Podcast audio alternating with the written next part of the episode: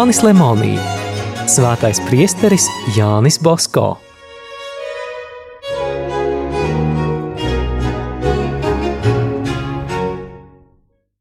Grāfieni Kaldera arī priesteris Bosko svētīja, lai abas viņas mēmās meitas sāktu labi runāt. 1870. gadā tās tiešām sāka runāt. Kanoniķis Jānis Grana pastāstīja, ka augstmaņa Barberīnī lūdza priesteri Bosko celebrēt svēto misi viņu nodomām. Kad Jānis Bosko atbrauca, viņa pastāstīja, kādas žēlastības tie gribēja no dieva izlūgt. Tiem nebija bērnu. Pēc svētās mises kundze jautāja Jānim Bosko, vai dievs uzklausīs viņu abu lūgumu. Jā, dievs grib jums sūtīt mierinājumu. Kundze gan vēlētos dēlu, bet visvarenais dos jums meiteni. Tomēr arī par meiteni vajag dievam pateikties, jo tā būs ļoti laba. Tā tas arī notika. Ģimenes ārsti bija pavisam citādās domās. Pēc 18 laulības gadiem Barberīnī sieva kļuva veselīgas, labas meitiņas māte. Viņa to nosauca par Mariju. Apmeklēdams dažādas ievērojamas personas Romā un pieņemdams viesus, kas ar viņu gribēja parunāties, priesteris Bosko ļoti uzmanīgi veica arī visus tos pienākumus, kuru dēļ bija atbraucis uz Romu. Sākumā valdības un Vatikāna pārstāvji nelabprāt uzsāka sarunas, bet vēlāk tās pēkšņi tika pārtrauktas. Gadījās nepārvarami šķēršļi. Pīs devītais atsauca priesteri Bosko un jautāja, Ar kādu politiku pēc jūsu domām būtu iespējams izvairīties no šīm kļūdām? Ja tas būtu man uzticēts, tad mana politika būtu jūsu svētības politika. Tēvs mūsu politika. Tēvs mūsu lūgdami mēs lūdzam, lai atnāk viņa valstība, tad to vajadzētu uzskatīt par vissvarīgāko. Šo domu paskaidrodams, priesteris Bosko ieteica vispirms pāvestam rūpēties par bīskapiem – Viņš pats sagatavoja kādu projektu. Pīs devītais to atzina un deva Jānim Bosko pilnvaras sarunai ar valdību. Viņš lūdza arī uzrakstīt visu to priesteru vārdus, kuri būtu piemēroti, lai ieņemtu Piemontas diecēžu sēdekļus. Sev viņš atstāja tikai pēdējā lēmēja tiesības. Mierīgo, piesardzīgo un rūpīgo priestera Bosko sarunu rezultātā 22. un 27. maijā Pie 9. konsistorijā nominēja 34 Itālijas bīskapus. Vēl trūka tikpat daudz. Valdība bija devusi savu piekrišanu arī pārējiem, bet sektantu nemiernieki un Rika Solī kabineta krīze piespieda sarunas pārtraukt. Arī tad priesteris Basko turpināja strādāt baznīcas labā. Tikko valdība atļāva iecelt jaunus bīskapus, Pāvests atrada priestera Bosko sastādītajā sarakstā tādus vārdus, pret kuriem neiebilda arī valdība. Pīs devītais pilnīgi uzticējās priesterim Bosko. Tādēļ viņš tam deva vēl citu ļoti svarīgu pilnvaru. Pēdējā tikšanās reizē viņš bija izteicis vēlmi, lai Bosko atvērtu kaut vienu salīdzjāņu iestādi arī Romā. Tad vēl viņš dāvāja daudz garīgu žēlastību salīdzjāņiem – audzēkņiem un visām tām ģimenēm, kas kaut kā bija palīdzējušas Bosko iestādēm. Sevišķu svētību viņš piešķīra jaunās loterijas organizētājiem. Dažiem ievērojamākajiem loterijas labdariem viņš piešķīra Svētā Gregora lielā ordeņus. Kaut gan priesterim Bosko pāvests un kardināli parādīja lielu cieņu, tomēr viņš nesaņēma apstiprinājumu Svētā Franciska no Sales kongregācijai. Šo jautājumu vajadzēja apspriest vispārējā baznīcas sajietā, ko gatavojās drīz sasaukt.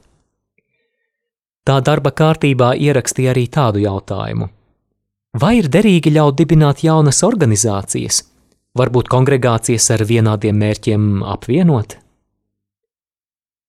Beidzot nokārtojis visas darīšanas, priesteris Basko brauca mājup uz Turīnu.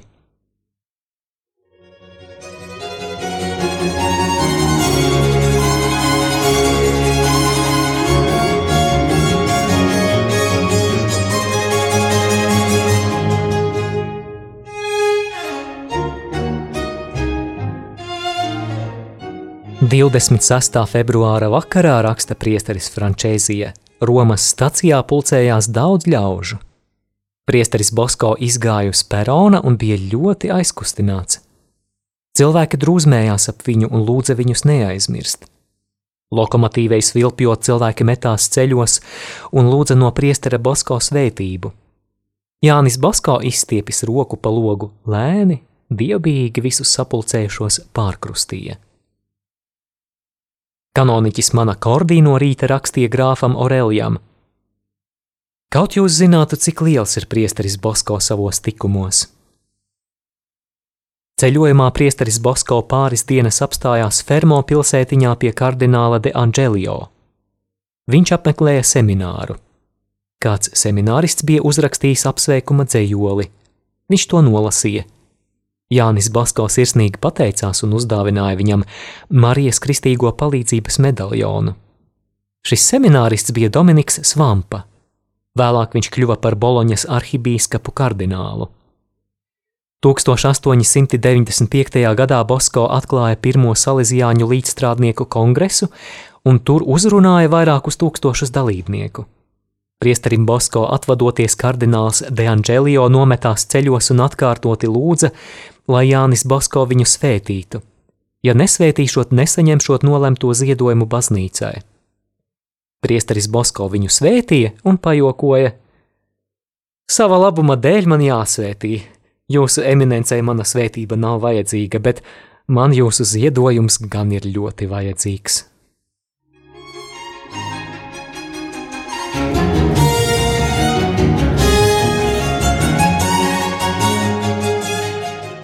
Otrajā martā pusdienas laiku priesteris Bosko ieradās Turīnā. Oratorijas audzēkņi un liels cilvēku pūlis viņu jūsmīgi sagaidīja – Pie oratorijas durvīm bija piestiprināts plats transparents ar uzrakstu Roma tevi apbrīno, Turīna tevi mīl. Romas iedzīvotāji uzzinājuši par šo uzrakstu dusmojās. Dedzīgākie protestēja, ka arī Roma Jāni Bosko nemīlot mazākā Turīna. Dievs pieļāva, ka pēc pagodinājuma un sekmēm pienāca skumju brīdis. Svētie raksti liecina, tos, kas dievam mīļi, viņš pārbauda ar daudzām ciešanām ebrejiem 12.6. Jānis Bosko arī ceļodams nemitējās rediģēt katoļu vēstis. Dažus numurus viņš pats sagatavoja būdams ceļā. Tādā steigā viņš uzrakstīja arī par Svētā Pētera jubileju, baznīcas 18. gadsimta jubilejas atceri. Šis katoļu vēstu numurs tika izdots tad, kad Jānis Bosko vēl bija Romā. Kāds teologs to iesniedza svētajai indeksa kongregācijai, jo pēc viņa domām tajā esot dogmatiskas kļūdas. Katoļu vēstis pārbaudīja monsignors Pīs delikatī. Pēc viņa sprieduma tās tiešām esot jāievieto indeksa sarakstā. Pīs devītais to uzzinājis tam pretojās. Ko gan jūs darāt? Ko priesteris Basko noziedzies? Ja arī ir kas labojams, to var izlabot turpmākajos izdevumos. Pietiek! Tā Jānim Basko tika ziņots. Ziņojums, kas bija sevišķi rupjā formā, kā ar nazi iedūra viņa sirdī. Tikai viņa norūdītā likumība un lielā mīlestība uz svēto krēslu deva spēku paciest šo smago un pilnīgi nepelnīto sitienu. Sevišķi sāpīgi bija, ka cenzors viņam gribēja pārmest pāvesta autoritātes noliekšanu. Tā bija dīvaina parādība. Priesteris Bosko, kas vienmēr bija gatavs pat dzīvību ziedot par pāvestu, pēkšņi apvainots pāvesta autoritātes noliekšanā. Tomēr Dievs nevarēja atļaut, ka viņa kalps tiktu nepelnīti aptraipīts. Ilgi lūdzies un aprunājies ar Salučo bīskapu Gastaldī Jānis Bosko uzrakstīja pazemīgu, bet tai pašā laikā arī noteiktu un atklātu paskaidrojumu. Ar tēva jezuīta Jāzepa Aurelio palīdzību šī vēstule izklīdināja Romā visas šaubas.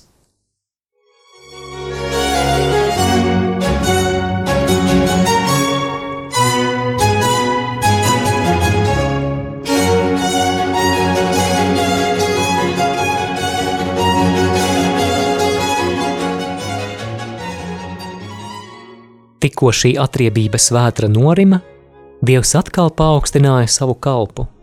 Šajā laikā notika daži brīnišķīgi gadījumi. 1867. gada 3. maijā priesteris Bosko sacīs prediķi Karamaņo pilsētiņā. Nokāpis no kanceles, Viņš ieraudzīja, ka viņu gaida kāda paralizēta sieviete. Tā tikko vilkās, atbalstīdamās uz kruķiem. Ubadze lūdza, lai viņu svētī. Priesteris Basko lika viņai nomesties ceļos. Sieviete tikai pieliecās. Jānis Basko atņēma viņai abus kruķus un sabāra. Tā nevar pieliekties, tas nav skaisti, meties ceļos, kā cilvēkam pieklājas. Apkārt stāvēja vairāk nekā 600 cilvēku. Sieviete mēģināja nomesties ceļos, un viņai tas izdevās. Priesteris Bosko lūdzās trīs esi sveicināta Marija un lika viņai piecelties. Slimniece piecēlās un vairs nejuta nekādas sāpes. Priesteris Bosko viņai laipni uzsmaidīja, abus kruķus uzlika vecītei uz pleciem un atsveicinājās: Paliec sveika, sieviete, un vienmēr mīli Mariju kristīgo palīdzību. Tajā pašā pilsētā cita sieviete jau ilgi slimoja ar vēzi. Priesteris Bosko arī viņu svētīja. Slimniece pēkšņi piecēlās, aizgāja uz baznīcu pateikties visvētākajai jaunavai un drīz vien uz draudzes māju atnesa priesterim apsolīto ziedojumu - 3000 liru. Tā Marija kristīgo palīdzību ar savām brīnišķīgajām žēlastībām parādīja pasaulē, ka viņa priesterim Bosko ir piešķīrusi sevišķu misiju. Pats Jānis Bosko vienā no vēstulēm raksta par kādu kundzi. Tā jau vairākus gadus nav varējusi kustināt roku. Kad viņa lūgusies trīs esi sveicināta Marija, viņa jutusi, ka roka kļūst kustīga, brīva. Ar lielu prieku viņa tūliņ ņēma spalvu un uzrakstīja: Marija, kristīgo palīdzība, palīdzi man! Aiz prieka viņa skrietin pārskrēja mājās un pēc stundas devās uz oratoriju, atnesot 3000 liru. 30. jūlijā Jānis Basko rakstīja vēstuli kādai princesei Desaurai. Romā bija parādījusies tā saucamā melnā epidēmija. Vēstulē Jānis Basko uzrakstīja princesei šādus vārdus: Neviens no tiem, kas palīdzēs celt Marijas kristīgo palīdzības baznīcu, ar šo slimību nesaslims, ja vien atvēlēs sevi debesu karalienes aizsardzībā.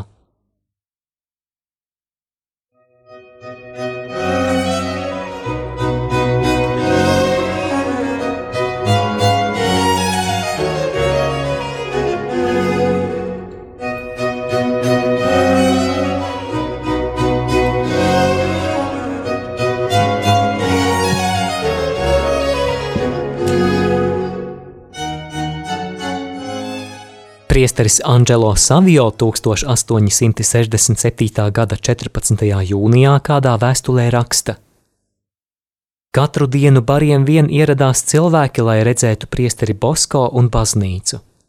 Vakar kāda turīga kundze gaidīja vairākas stundas priekšistabā, līdz varēja ieiet parunāties ar priesteri Bosko. Vēlāk ilgi ar viņu runāja grāfs Kavalkīnī, Kāds viesis izgājis no Jāņa Bosko istabas man teica: Šodien es runāju ar otru arsas prāvestu. Romas augstākās sabiedrības dāma Dorija, braukdama uz Angliju, izvēlējās apkārtceļu, lai iegrieztos Turīnā un satiktu priesteri Bosko. Arī viņa apskatīja baznīcu un sacīja, ka tā viņai ļoti patīk. Šajās nedaudzajās dienās oratoriju apmeklēja desmit biskupi, kurus mūsu audzēkņi ļoti labi uzņēma. Arī ministra Ratačī sieva, Marija Letīcija Bonaparte, vairāku dāmu pavadīta, ieradās oratorijā un bija tik ļoti apmierināta, ka savam vīram aizsūtīja šādu telegrammu. Priecājos, ka iepazinos ar 19. gadsimta brīnumu. Tā ministrs Ratačī sauca priesteri Bosko. Baznīcas celtniecības darbiem beidzoties priesteris Bosko lūdza mākslinieku Tomu Lorenconī uzgleznot Marijas kristīgo palīdzības gleznu. Viņš vadījās no priestera Bosko norādījumiem, bet sevišķi jau tad, kad gleznoja Marijas seju, juta, it kā viņa roku kāds vadītu. Mēs, protams, negribam palielināt šī mākslinieka nozīmi, tomēr nevaram noliegt, ka Marijas kristīgo palīdzības glezna, sevišķi viņas seja, atstaro neparastu mātes maigumu un reizē arī karalisku cēlumu. Kā redzējumā Marija ienācējiem baznīcā nostājas acu priekšā. No augšas viņu apgaismo maiga gaisma, visvētās trīsvienības atspīdums. Tā ir Marijas slavas un spēka zīme. Divi eņģeļu pulki skatās uz viņu, iegrimuši mīlestības apcerē, bet pati debesu karaliene ar vienu roku pie krūtīm piespiedusi, tur bērnu Jēzu, otrā valdnieces un spēka zīmes cepteri. Bērns Jēzus rociņas izstiepis, it kā saka: Lūdziet manu māmiņu, es visu esmu atdevis viņai. Līdzās it kā goda sardzē stāv visi kristieši. Te ir jūsu palīdzība. Apakšā tālē pavīt Turīnas kalni, bet tuvumā var redzēt Valdoko oratoriju, tās pilsētas kontūras, kurā Marija varēja ieņemt savu troni un goda vietu.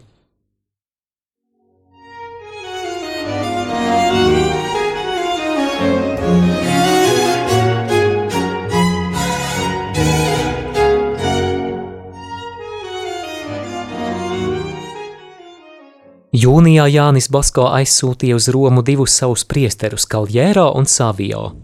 Abiem bija jāpiedalās un jāpārstāv Salesiāņu kongregācija Svētā Pētera jubilejā, un jānodot pāvestam kāda vēstule, kurā atkal no jauna tika lūgts apstiprināt kongregācijas regulu uz visiem laikiem. Gada beigās priesterim Basko bieži bija no Turīnas jāizbrauc. Virs baznīcas kupola vajadzēja uzcelt skaistu svētās jaunavas statuju no bronzas.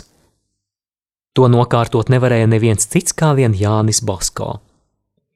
Beidzot, priesteris Bosko ieradās uz dažām dienām mājās, uzaicināja Turīnas arhibīskapu Aleksandru Rikardī un svinīgi novietoja statuju uz kupola. Tur tā atrodas vēl šodien un laistās saulē. Visvētākā jaunava nepārtraukti sargāja oratoriju arī baigajā 1868. gada ziemā, kad cilvēkus vārdzināja ne tikai sals, bet arī bats.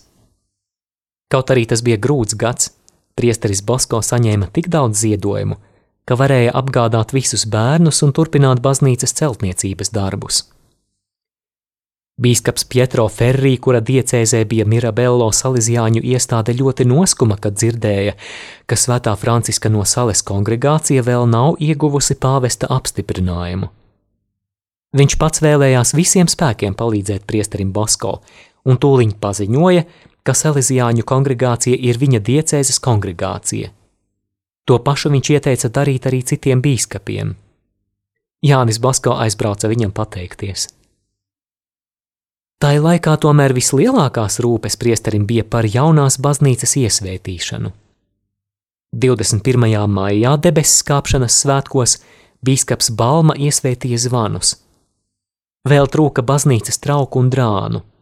Tos pamazām saziedoja Jāņa Bosko senie labdari, un tie, kas bija saņēmuši brīnišķīgās Marijas kristīgo palīdzības žēlastības.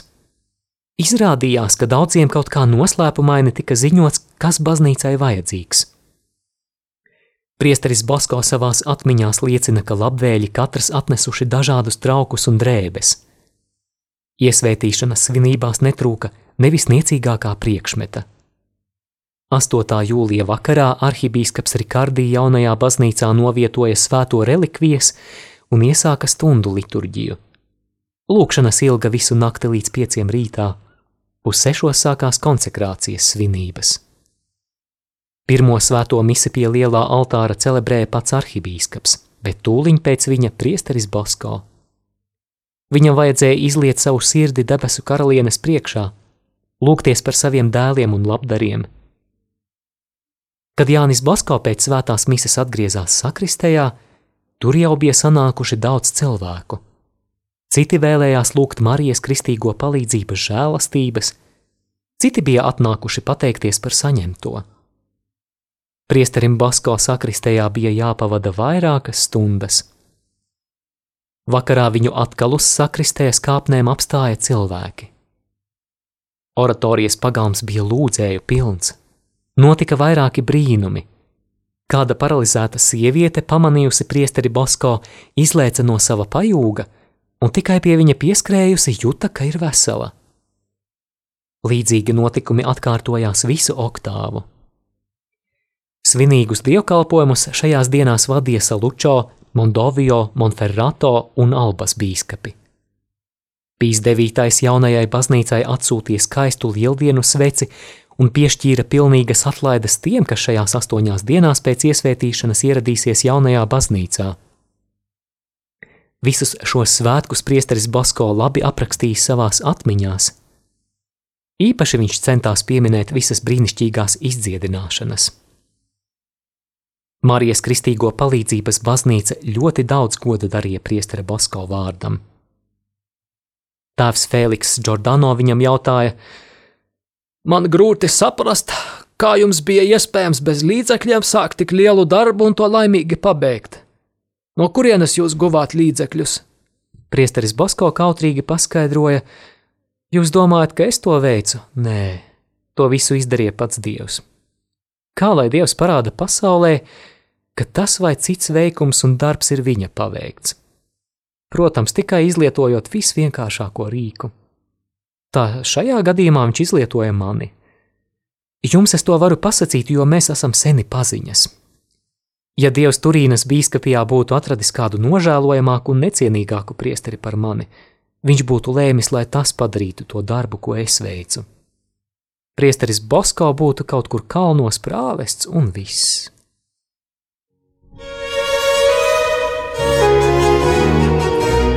Izskanēja lasījums no Jāņa Lemonija grāmatas Svētais priesteris Jānis Bosko.